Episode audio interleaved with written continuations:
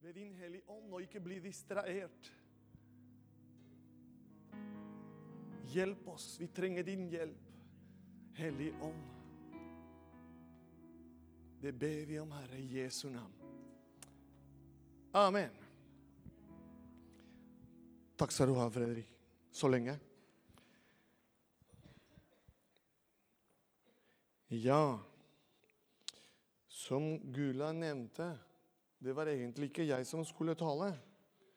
Men eh, det skjedde noe med Siv Hege mens hun var i Israel, så hun ble ikke i form, rett og slett, når hun kom tilbake. Jeg tror hun fikk korona. Det er det på en måte hun sa til meg. Eh, og egentlig, når jeg snakker med henne, også i for, forrige uke, også tors, på torsdag, forrige torsdag, var vi her samlet en gjeng som, eh, som, pleier å være her på formiddag klokka syv. Og eh, vi hadde bønnemøte klokka syv. Tidlig også, men godt. Starte dagen på den måten, det, det må jeg bare si personlig. da. Jeg vet ikke hvordan du tenker om det, men eh, det å starte tidlig på morgenen sammen med en flokk som på en måte også tenker det sammen, det er godt. Oppmuntrende og samtidig godt. Tusen takk. Og samles i hans navn og ble, opp, ble oppmuntret av han og hans ord og Den hellige ånd. Og jeg kjente så sterk akkurat da, nå forrige torsdag, et budskap som, som egentlig Før jeg kjørte fra Skien til Statelle den torsdag leste jeg som ca. kvart over fem på morgenen. For jeg må reke og ordne alt for å komme hit. må lage, koke kaffe, vet du, så alt på stelt. Så når de kommer, alt er klart. Eh, etter jeg delte det ordet på, formiddag, eh, på den formiddag på torsdag, jeg kjente så sterkt i mitt hjerte at dette må på søndag. På en eller annen måte. Jeg vet ikke hvordan. Men som dere hørte altså Det var ikke jeg, men det var Siv Hege. Men hun ringte på fredag og sa jeg kjente i mitt hjerte at du skulle tale. Fernando. Hm. Da sa jeg, men da er vi enige om i ånden. For jeg kjente så sterk at jeg måtte formidle dette så fort som mulig. Men jeg visste ikke det var så fort. Nå er jeg her og skal prøve det med Guds hjelp. Tittel, altså overskriften, av det skal jeg formidle til dere. Det er en, en slags eh, sånn eh, norsk uh, grammatikk. Jeg vet ikke om det er riktig. Jeg spurte noen eh, allerede, og de syntes det var korrekt. Og så, ja, det hørte bra ut. Forståelig, i hvert fall. Det er det på en måte jeg er opptatt At alle skal forstå jeg, hva, jeg, hva han suramerikaner mener. Så det er tittel korrekt men ikke komplett. Er dere med? Ja, det er I hvert fall dere smiler. Det er et godt tegn. Eh, hva mener jeg med det? Jeg skal eh, lage sånn en kort intro i forhold til hva mener jeg med korrekt, men ikke komplett. Dette er noe som jeg leste både i kapittel 18, som står der på skjermen, og kapittel 19 i Apostelens gjerninger, hvor kanskje mange av oss har lest det før tidligere men har ikke kanskje sett det tidligere. Eller ikke forstått Eller hvorfor står det dette her? Men for å lage som en liten sånn eksempel eller illustrasjon Også korrekt, men ikke komplett. Og så Hvis jeg skal pusse tennene, da har jeg tannbørste. Og så begynner å gjøre det uten tannkrem.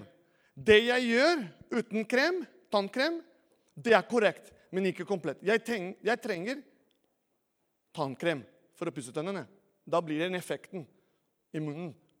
Det er bare sånn mine enkle eksempel. En annen eksempel som på en måte kan også forklare litt hva jeg mener med korrekt, men ikke komplett, det er jeg skal vaske hendene, men jeg bruker ikke såpe. Hva blir det da? Da blir det våte hendene.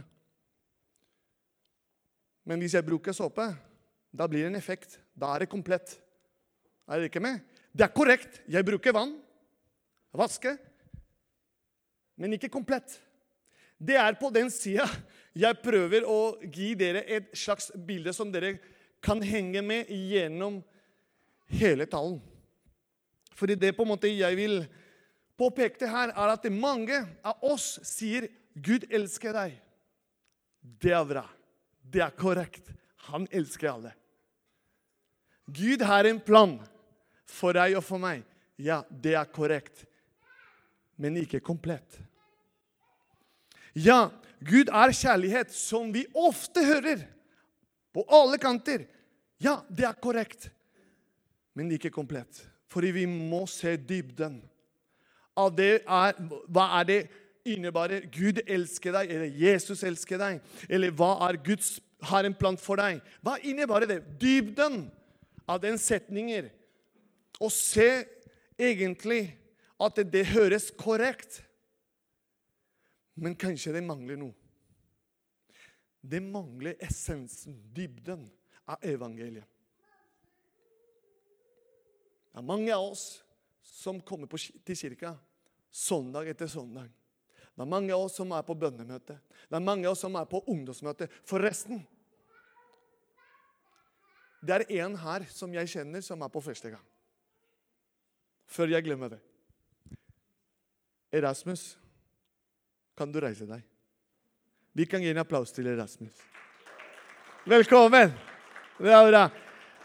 Rasmus er en gutt som jeg trente fire år siden, fem år siden. Og nå er det kamerat til Fernando spiller sammen på samme lag. Jeg, fikk, jeg, må fortelle det, Rasmus. Sorry, jeg har ikke sagt noe til deg. Men, men jeg, jeg, jeg, er spontan. Suramerikaner, vet du. Plutselig kommer. Jeg håper det går greit. Han ble skadet som ca. fire-fem år siden. Jeg kan si det det er din andre gang her, eller tre ganger her. Og, og, og, og uten å gå i detaljer med det Han ble skadet tre-fire år siden. Og eh, jeg var trener der og da. Og, og hele gjengen var inne i garderoben. Og de gikk ut, og han var lei fordi han var skadet. Det er ingen som liker å være skadet. Og jeg kjente Merker i hjertet mitt Si noe til den, den, til den ungdom. Og jeg sa til han Jeg vet ikke om du tror på Jesus eller på Gud eller på noe, men jeg tror på Gud. Og jeg vet han kan hjelpe deg. Kan jeg få lov å be for deg? Da ba jeg for han, da. Og han sa ja, du kan be for meg. Etter fire-fem år er hun her. Det er en plan. Men det er ikke bare det. Det er korrekt. Men det er ikke komplett. Og i dag, ikke bare han, men alle oss skal høre det. Så med det skal vi lese Apostelens gjerninger, kapittel 18, fra vers 24. Her kommer en mann som heter Apollos. Så mange av dere har lest det. Paulus nevner han, introduserer han i Bibelen. Hører vi om han, og hvem han er, for så vidt.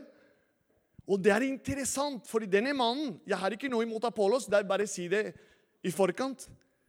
Det er inspirerende å lese om Apollos og Paulus og Priscilla og Akila og hele gjengen som ble nevnt i de to kapitlene. Fordi vi kan lære mye om det i dagens menighetsarbeid. Ja, I vers 24 står følgende Jeg leser. En jøde ved navn Apollos, født, født i Alexandria, en veltalende mann som var sterk i skriftene, kom nå til Efesos. Denne mannen var blitt opplært i Herrens vei. Og siden han var brennende i ånden, talte og lærte han nøye om det som hadde med Herren å gjøre, selv om han bare kjente til Johannes dåp. Jeg stopper litt her og leser igjen, så vi husker på det. Det er her litt sånn pedagogikken i forhold til det å gjenta ting, for man kan huske på det. En veltalende mann veldig bra. Sterk i skriftene veldig bra. Opplært i Herrens vei fantastisk.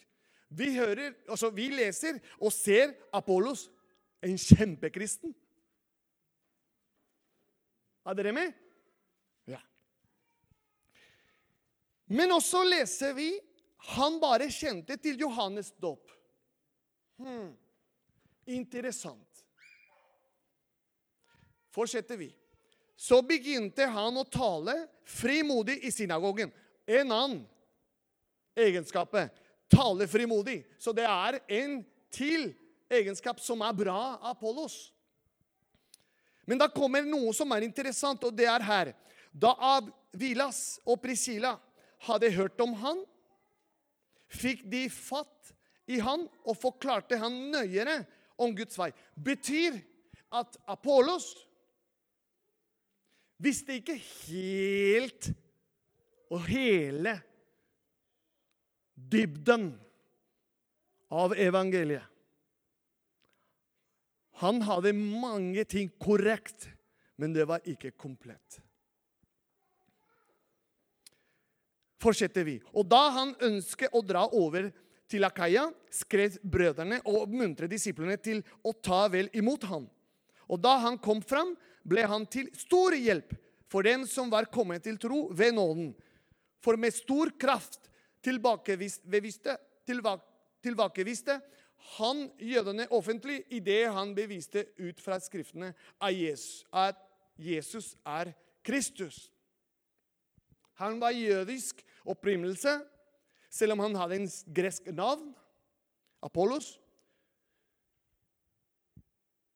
Så som en god jøde ble han veldig godt instruert i Skriften. Dette må vi lære å vite at de jødene på den tida lærte seg Det gamle testamentet. Det har du i Bibelen din. Loven. Han visste om alt det. Han var egentlig dyktig på det.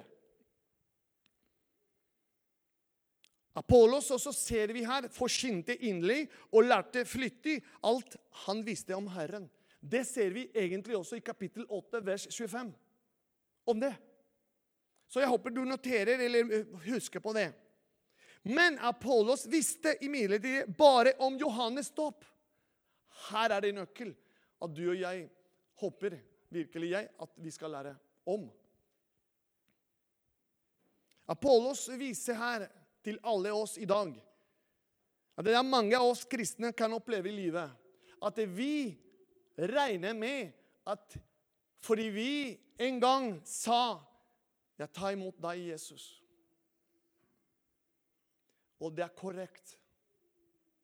Og begynte å være medlem, eller komme til menigheten søndag etter søndag, det er korrekt. Og leste og leser Guds ord korrekt. Men det er noen her, det er noe her som fikk oppmerksomheten min i forhold til Apollos. Og det ser vi i kapittel 19. Nå skal vi lese kapittel 19, for her kommer noe som er spesielt og inter interessant. Og det skjedde. Så det er en fortsettelse av kapittel 18. Hvis vi leser Bibelen kontinuerlig, og det skjedde, det betyr at det er en fortsettelse av kapittel 18. Det stopper ikke. Det er fremdeles en kontinuitet. Og det skjedde mens Apollos var i Korint, at Paulus kom til Efesos etter å ha reist gjennom de øvre distriktene. Og da han fant noen disipler her, så han til, og sa han til, til dem Paulus sa til dem Fikk dere Den hellige ånd da dere kom til troen? Da sa de til ham Vi har ikke engang hørt at det finnes en hellig ånd. Og han sa til dem, 'Hva ble dere da døpt med?' De sa, 'Med Johannes dåp'. Å, men jeg stopper litt. Grann. Ja, men er det ikke nok, det? De vet om hele Gamle testamentet. Skriftene de blir opplært, og de har hørt. De har vært i synagogen, de har vært der og lest og bedt og alt. Er ikke nok det, Fernando? I mine øyne, når jeg leser hva Paulus spørrer og forklarer etterpå, både med ord og handling, det er en helt annen dimensjon, folkens. For når jeg leser videre, da står det sånn Da sa Paulus Johannes døpte med omvendelsesdåp. Vent litt. Omvendelsesdåp. Da tror jeg jeg skal gå til mine notater her. Og i Markus kapittel 1, vers 4 og 5, kan vi finne den peie. Så da sparer jeg litt tid til å gå fram og tilbake i Bibelen min. Så kanskje vi finner den. Det er Markus kapittel 1, vers 4 og 5. Omvendelsesdåp. Slik sto døperen Johannes fram i ødemarken og forsynte en omvendelsesdåp som ga tilgivelse for syndene. Oi! Fra hele Judea og Jerusalem dro alle ut til han. De bekjente syndene sine og ble døpt av han i Jordanselven. Elven. Der er det definisjonen om omvendelsesdåp. Og hvordan Johannes, dåperen, gjorde. Men i samme kapittel, vers 8, hør hva han sier. Johannes sier, 'Jeg har døpt dere med vann.' Med Han han, Jesus Kristus, skal døpe dere med Med hvem? Det står i hvert fall i min bibel. Med Den hellige ånd, i vers 8. Er dere med? Johannes dopperen sa det rett ut. Det er korrekt, det jeg gjør, men ikke komplett. Når han kommer og døper dere i Den hellige ånd, da er det komplett. Jesus, selveste Jesus, sier følgende i Lukas kapittel 4, vers 1. Hva var Jesus fylt av i den kapittel når vi leser hva det står der? Han var fylt av Den hellige ånd.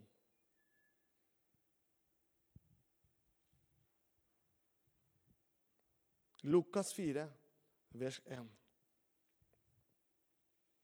Jesus vær fylt av Den hellige ånd. Og vi går videre, for det er nydelig å se at i Skriften kommer disse bokstavene levende. I Apostelens gjerninger i Det nye testamentet sier Jesus selv i kapittel 2, vers 4 Det er pinsedag. Men Jesus i kapittel 1 sier dere skal få kraft når Den hellige ånd kommer over dere. Jesus selv sier når Den hellige ånd kommer over dere, da er det komplett. Alt det dere har lest, det er korrekt. Men jeg har kommet til dere for å formidle det kanskje de fleste jødene mangler. Og det er Den hellige ånds dåp. Og det gjelder når vi får Den hellige ånd, som er Jesus ånd, Guds ånd, over deg, over meg. Det kommer en helt dimensjon, ny dimensjon, over deg, over meg, og forståelse av hvem han er. Hvilken identitet han har gitt deg.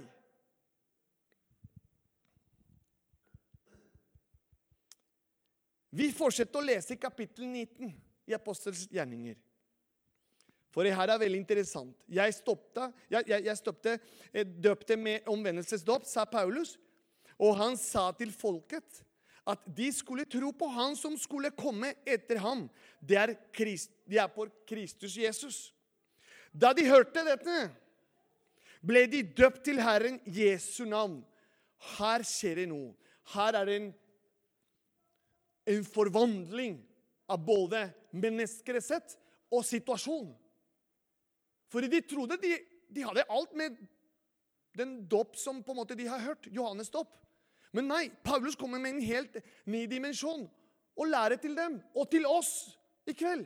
Og det er dette her. Og da Paulus hadde lagt hendene på dem, kom Den hellige ånd over dem, og de talte med tunger og profeterte. Disse mennene var omkring tolv til sammen. Og han gikk inn i synagogen og talte frimodig der i tre måneder. Han samtalte overbeviste om alt det som hadde med Guds rike å gjøre. Men fordi noen Her kommer noe som vi må regne med. Det skal skje når Den hellige ånd, Guds ånd, kommer over deg, over meg. Det blir ikke en dansebordrose, dere. Det blir en reaksjon i virkeligheten. Der hvor vi er i offen, off, offentligheter. Offentlig. Jeg tror det er riktig norsk. Men dere skjønte hva jeg mener. Der ute. I det offentlige. Når Den hellige ånd kommer over oss, folk kommer til å kjenne det. Og da blir det problemer. Hæ? Hvordan da, da? Får jeg Den hellige ånd, og får jeg problemer også? Ja. De der ute skjønner ingenting. Hva er det som har skjedd med deg? De som jeg kjente på den tida i 2002, når jeg sa ja til Jesus og til Den hellige ånd, stopp over meg. De skjønte ingenting. De begynte å mobbe meg. De begynte å spotte og si løgner om meg. For jeg egentlig sa ja til Den hellige ånd, veiledelse, åpenbaring av Hans ord, å gå i Hans prinsipper og verdier og alt. Det går mot bølgen, vet du. Og det er en reaksjon, det er en konfrontasjon, som Paulus forklarer i alle sine brever. Og det er her som er interessant, for de talte frimodig og alt det, men fordi noen av dem forhårede seg og ikke trodde, og ikke trodde Så det betyr det er noen som skal ikke tro på det. Det er en helt annen ny ting som kanskje du, har, du kommer til å lære i dag. Men talte ondt om veien. Om veien. Hva betyr det? Jeg undersøker litt. Og de teologer og når vi studerer Bibelen og tiden Veien, det er kristne. De kristne på den tida. De talte ondt om veien overfor folkemennen, dro ham bort fra dem og trakk disiplene tilbake. Klok. Er det noe som du deler om Jesus med begeistring? Gjør det! Gjør det! Gjør det! Men det er vedkommende som må ta det valget til å si ja eller nei. Til Han, til Jesus og Den hellige ånd. Da blir det komplett. Så ikke noe kritikk, men det er min oppfatning når vi sier nå skal vi be en frelsesbønn. Ja, korrekt. Mange kan gjøre det. Ja, men det er bare Gud som vet. Om du gjør det for å gjenta det som han predikanter sier eller gjør, eller egentlig du kjenner dyp, dybden i ditt hjerte Ja, Jesus, kom, kom til mitt liv. Hellig ånd, jeg trenger deg. Og den lengsel som du og jeg har, som jeg håper etter i kveld Gud, ristarte det i deg og meg. Den lengsel til å vite hvem han er, hvem Den hellige ånd egentlig er. Hva gjør han i ditt og mitt liv? Hva åpenbarer han i ditt og mitt liv? Ikke bare i, teori, teori, i teorien, i Guds ord, men i hverdagen vår. Når jeg delte dette på torsdag Jeg delte hjertet mitt med den flokken.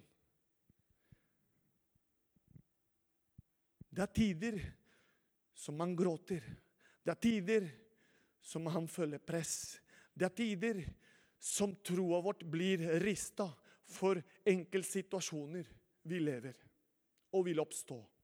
For ting går ikke som vi har tenkt og planlagt. Ting egentlig går helt motsatt. Og det er en kaos i livet ditt og mitt. Det er en kaos her oppe i tankene våre. Fordi vi forstår ikke. Vi skjønner ikke planen. Vi skjønner ikke veien. Og hva gjør det? Det tråkker troa vårt helt ned. Og hvis vi lar det skje, det blir gradvis mindre og mindre og mindre vårt overbevisning av hvem vi tror på, og hvem har vi i oss.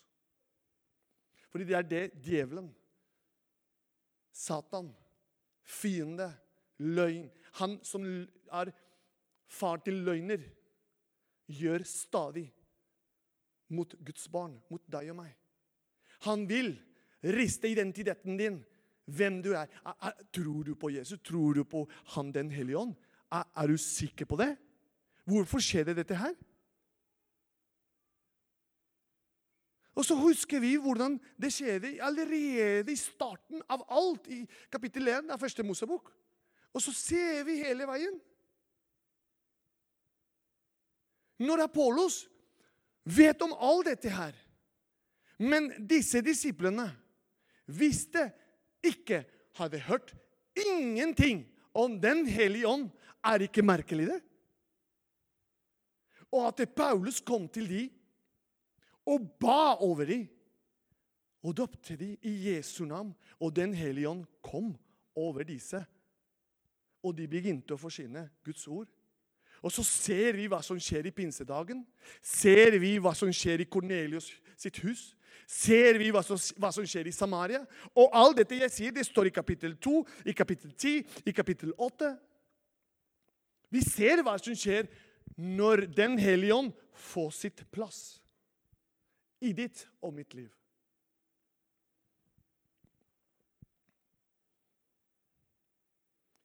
Vi fortsetter i vers 11, kapittel 19.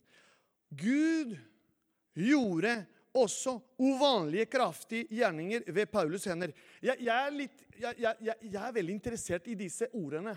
Uvanlig kraftige gjerninger. Uvanlig. Uvanlig. Det liker ikke vi her i Norge. Ting som er uvanlig, ting som er nytt, ting som på en måte går ut av tradisjoner, ut av det på en måte vi har lært over 30 år. Er du med? Det er ikke noe imot det. Jeg er imot at det, det kan stoppe det som Gud, Den hellige ånd, kan gjøre. Og det er det uvanlige. Er dere med? Fordi vi er vant til å høre, vi er vant til å se, vi er vant til å lese. Men vi er ikke vant til det uvanlige. Men når vi opplever det uvanlige, fikk smake det uvanlige, da vi vil ha mer av det.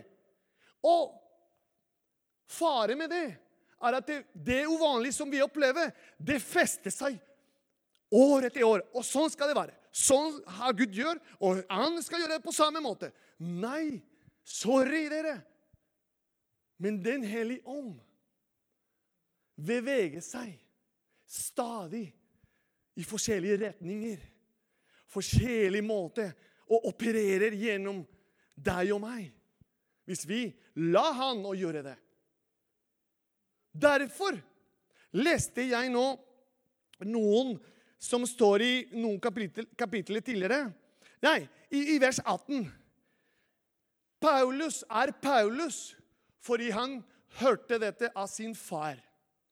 Og det tar jeg med meg personlig og håper du tar dette til deg.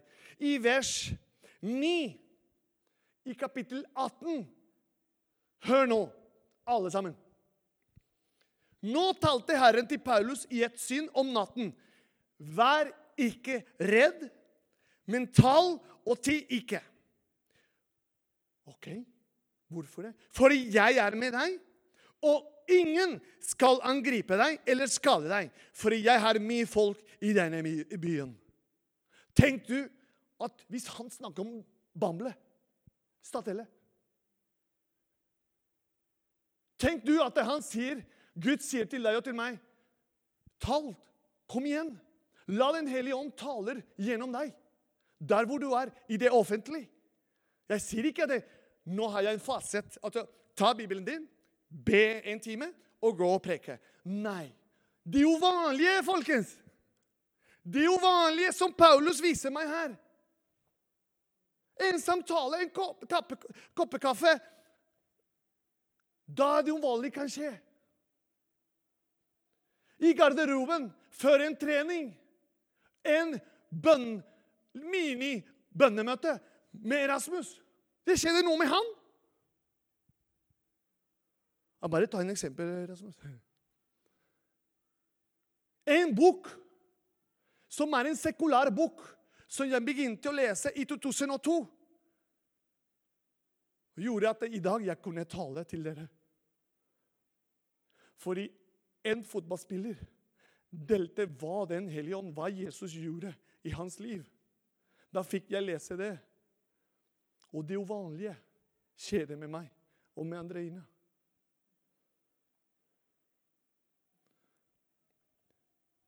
Det uvanlige. Jeg leser her det uvanlige.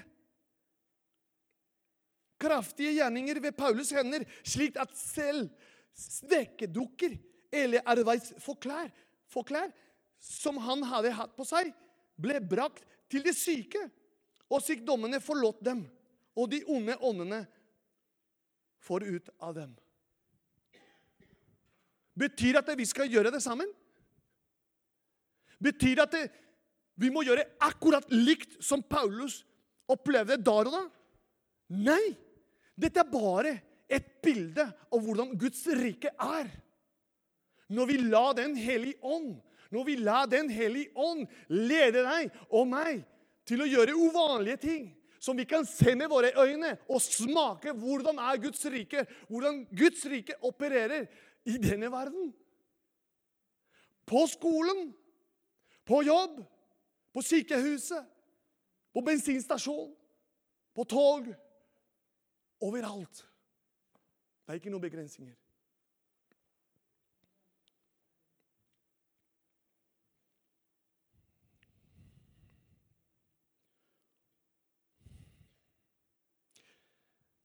Men det er noe som er her interessant, som jeg leser, og som jeg kjente nesten Jeg var sånn tidligere. Nå skal dere vite hva jeg mener med det. Noen i vers 13, kapittel 19, noen av de omreisende jødiske demonutdriverne begynte da selv og påkalle Herren Jesu navn over dem som hadde onde ånder. De sa, hør nå, vi driver dere ut ved den Jesus som Paulus forsyner. Det er korrekt. Paulus forsynte om Jesus. Er dere med? Han, De nevner Jesus, Jesu navn. Kom igjen! Det er korrekt. Men det mangler noe her. Det er ikke komplett. For det jeg leser her, det er konsekvenser. At vi misforstår og misbruker Jesu navn. Da sa de, 'Vi driver dere ut ved, ved, den Jesus som Paulus forsyner.' Det var sju sønner av Shevas, en jødisk overprest, som gjorde dette. Og den onde ånden svarte og sa, Jesus kjenner jeg, og Paulus vet jeg hvem er. Men hvem er dere? Oi, da møtte de veggen. Da tenkte de her er det noe feil. Vi, nevner Jesus, men det skjer ingenting. Jeg ber til Gud, men det skjer ingenting. Jeg leser Bibelen, men jeg forstår ingenting. Jeg kommer til kirke hver søndag, men det skjer ingenting.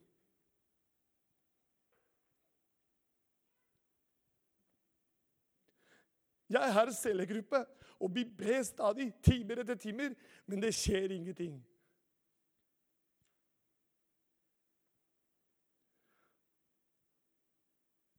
det kanskje er et tegn at vi må bare overgi alt. Absolutt alt. Når jeg sier overgitt alt, det er rett og slett kontrollen til han. Og dette er felles, folkens. Jeg snakker ikke individuelt. Dette er felles. Og det uvanlige begynner å skje både i ditt og mitt liv.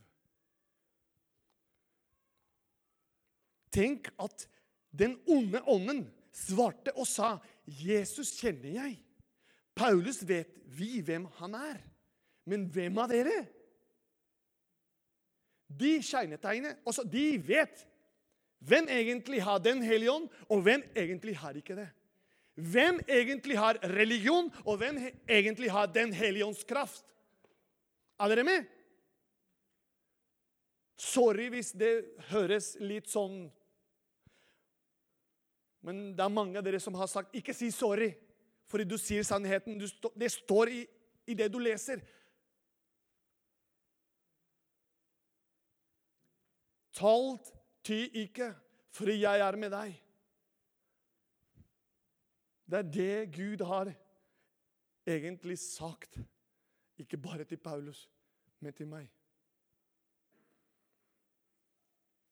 Når vi la Den hellige ånd kommer over våre liv, kommer frukten av det. Og det står i Galaterne. Da står det frukten gavene, talenter, som kommer ut. Og det er ikke bare tungetaler, det er ikke bare profetier, men det er andre egenskapene som Den hellige ånd, Gud selv, har lagt i ditt liv og mitt liv for å bruke det og tjener andre. Når jeg har både Thea Maria, Madeleine og Alice, som er mine disiplene og så Disse tre jenter spesielt har vært med meg en vandring i løpet i fjor og dette året. Til en tro. Konfirmanter. Og de, står, de er her både fredag og søndag. Men jeg har jenter til dem. Pass på at Jesus, Den hellige ånd, er alltid pri og relevant i deres liv. Hvis ikke dere kommer til å fange og være ungdom som på en måte er i en rutine. Fredag, søndag, men det er ikke noe liv. Det eneste som kan gjøre et liv, en, et sånt brennende liv Jeg sier ikke at dere skal håpe å være karismatiske. Det, det er ikke det jeg mener. Det jeg mener, er at dere skal glede seg når dere skal snakke med sin far. At Den hellige ånd gjør noe i dere. Hvis ikke deres bønner, når dere leser Guds ord, når dere er samla, som vi gjør i dag Det blir tørt. Det blir vanskelig å forstå. Forstand kommer til å bli en hindring. Fordi vi prøver å forstå med våre forstand... Men det går ikke! Uten Han, Den hellige ånd, åpenbaring i oss, Vi kan ikke forstå egentlig hele evangeliet. Det blir korrekt fordi vi leser det, men det blir ikke komplett. Derfor er det alvorlig, og med dette tror jeg jeg begynner å, å lande. Fredrik, du kan komme fram her og hjelpe meg med det. En veltalende mann, Apollos, en sterk i skriftene mann, som visste om Guds ord, opplært i Herrens vei. Han var karismatisk. fordi når de sier, og vi leser her, 'brennende i ånden', det er karismatisk. Det er han er som på en måte på. Evangelist, nesten. Det er det han, de mener. Frimodig, bevisst ut skriftene at Jesus er Kristus, men bare kjente Johannes opp.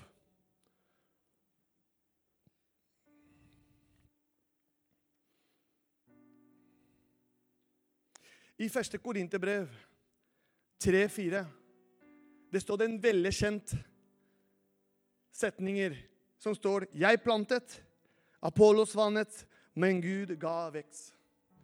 Skjønte dere at jeg er ikke noe imot Apollos?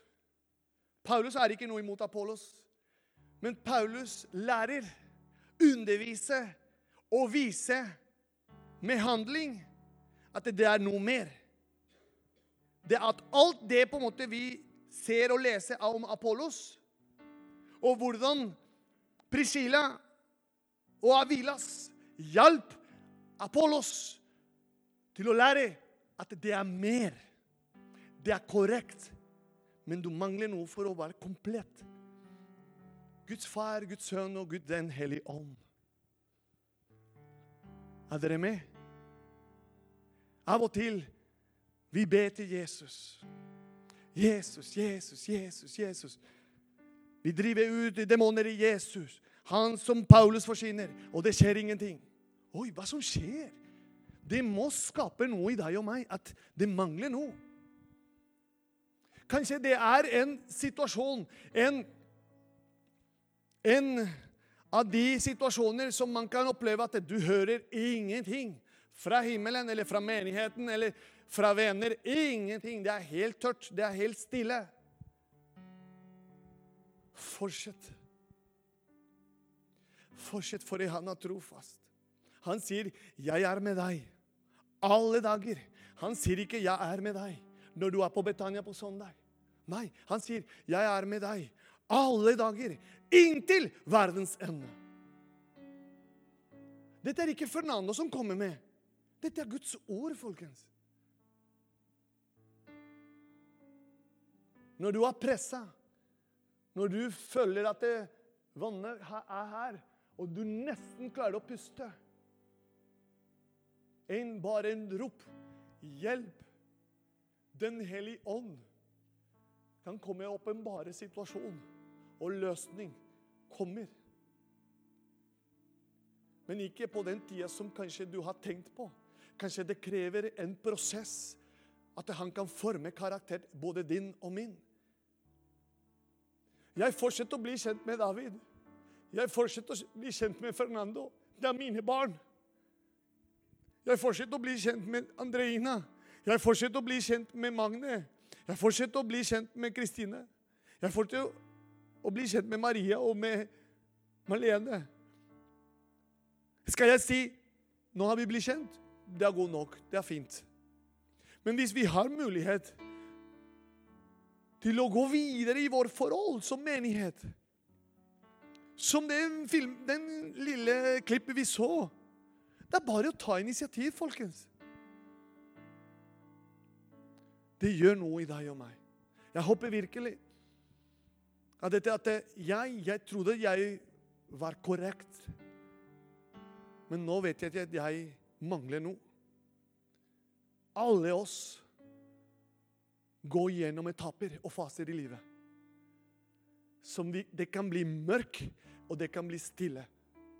Jeg opplever det sjøl. Dere kanskje visste ikke om det, men jeg var i Tyskland og talte der i påsketid. Jeg fikk mulighet og tillatelse fra lederskapet, for jeg trengte det. Jeg trengte det. Hva mener du med det? Du trengte det. Ja, for jeg for tida har vært sliten. Jeg har hatt mange spørsmål. Som alle oss her Tvilelser har reist seg for å tråkke min tro. Fordi ting skjer som, som, som jeg har ikke planlagt. Og mens jeg var der, jeg hadde en samtale med han som han pastor min. Og han sa noe interessant. Fernando, mens vi taler til menigheten Det er mange som tror at alt går på skinner med oss. Mens de vet ikke hva som foregår hjemme. Det knuste hjertet mitt. Er en mann som Paulus, som opplever vondt, som opplever vanskeligheter. Og når jeg sier vanskeligheter, det er ikke minimal av det på en måte i forhold til jeg opplever. Han opplever mobbing, han opplever at han blir slått. Han opplever at han blir satt i fengsel. Men han fremdeles går og formidler evangeliet. Ikke med hans forstand, men med Den hellige ånd. Kraft. Derfor er nåde at jeg står her og formidler evangeliet til dere. For mange av oss tror at vi vet alt, men vi vet ingenting egentlig. Fordi vi er ikke vant til det uvanlige, som vi leste i stad. At pastoren sier 'Jeg har det vanskelig'. Jeg trenger litt tid, jeg trenger å trekke litt meg. Litt. Hvorfor det? Er du i synd? Hva har du gjort? Det er det første som kommer. Men det jeg kjenner, er at jeg vil oppleve det uvanlige. Og hvis det krever tårer, som du og jeg har opplevd Tårer som kanskje er vondt i dag, men i morgen kan bli en jubileum, kan bli en glede, fordi du har stått fast i den prosessen som Den hellige ånd har begynt å forme deg. Er dere med?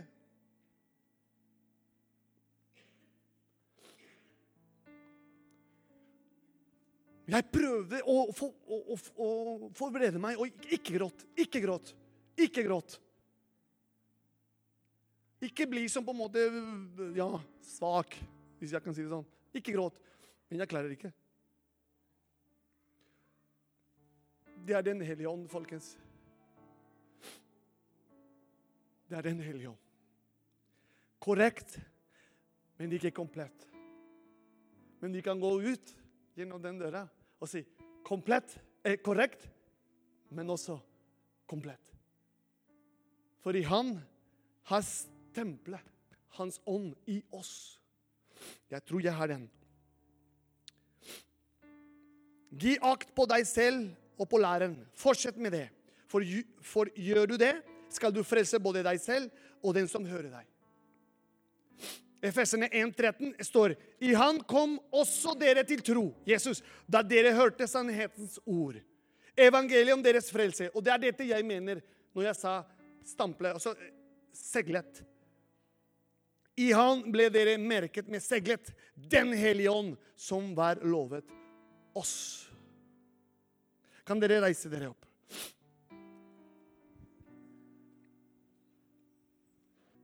Til slutt der er det muligheter til forbønn.